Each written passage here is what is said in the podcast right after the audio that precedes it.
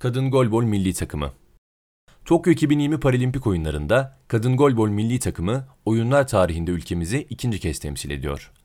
İlk kez 2016 Rio Paralimpik oyunlarında temsil eden milli takımımız tarihi bir başarıya imza atarak altın madalya kazandı. Oyunlar tarihinde takım sporlarındaki ilk altın madalyamızı kazanan millilerimiz bu önemli dereceye namağlup şekilde ulaştı. Avrupa Golbol Şampiyonalarında bugüne kadar 2 altın ve 2 gümüş madalya kazanan milli takımımız, dünya şampiyonalarında ise 1 gümüş ve 1 bronz madalyanın sahibi oldu.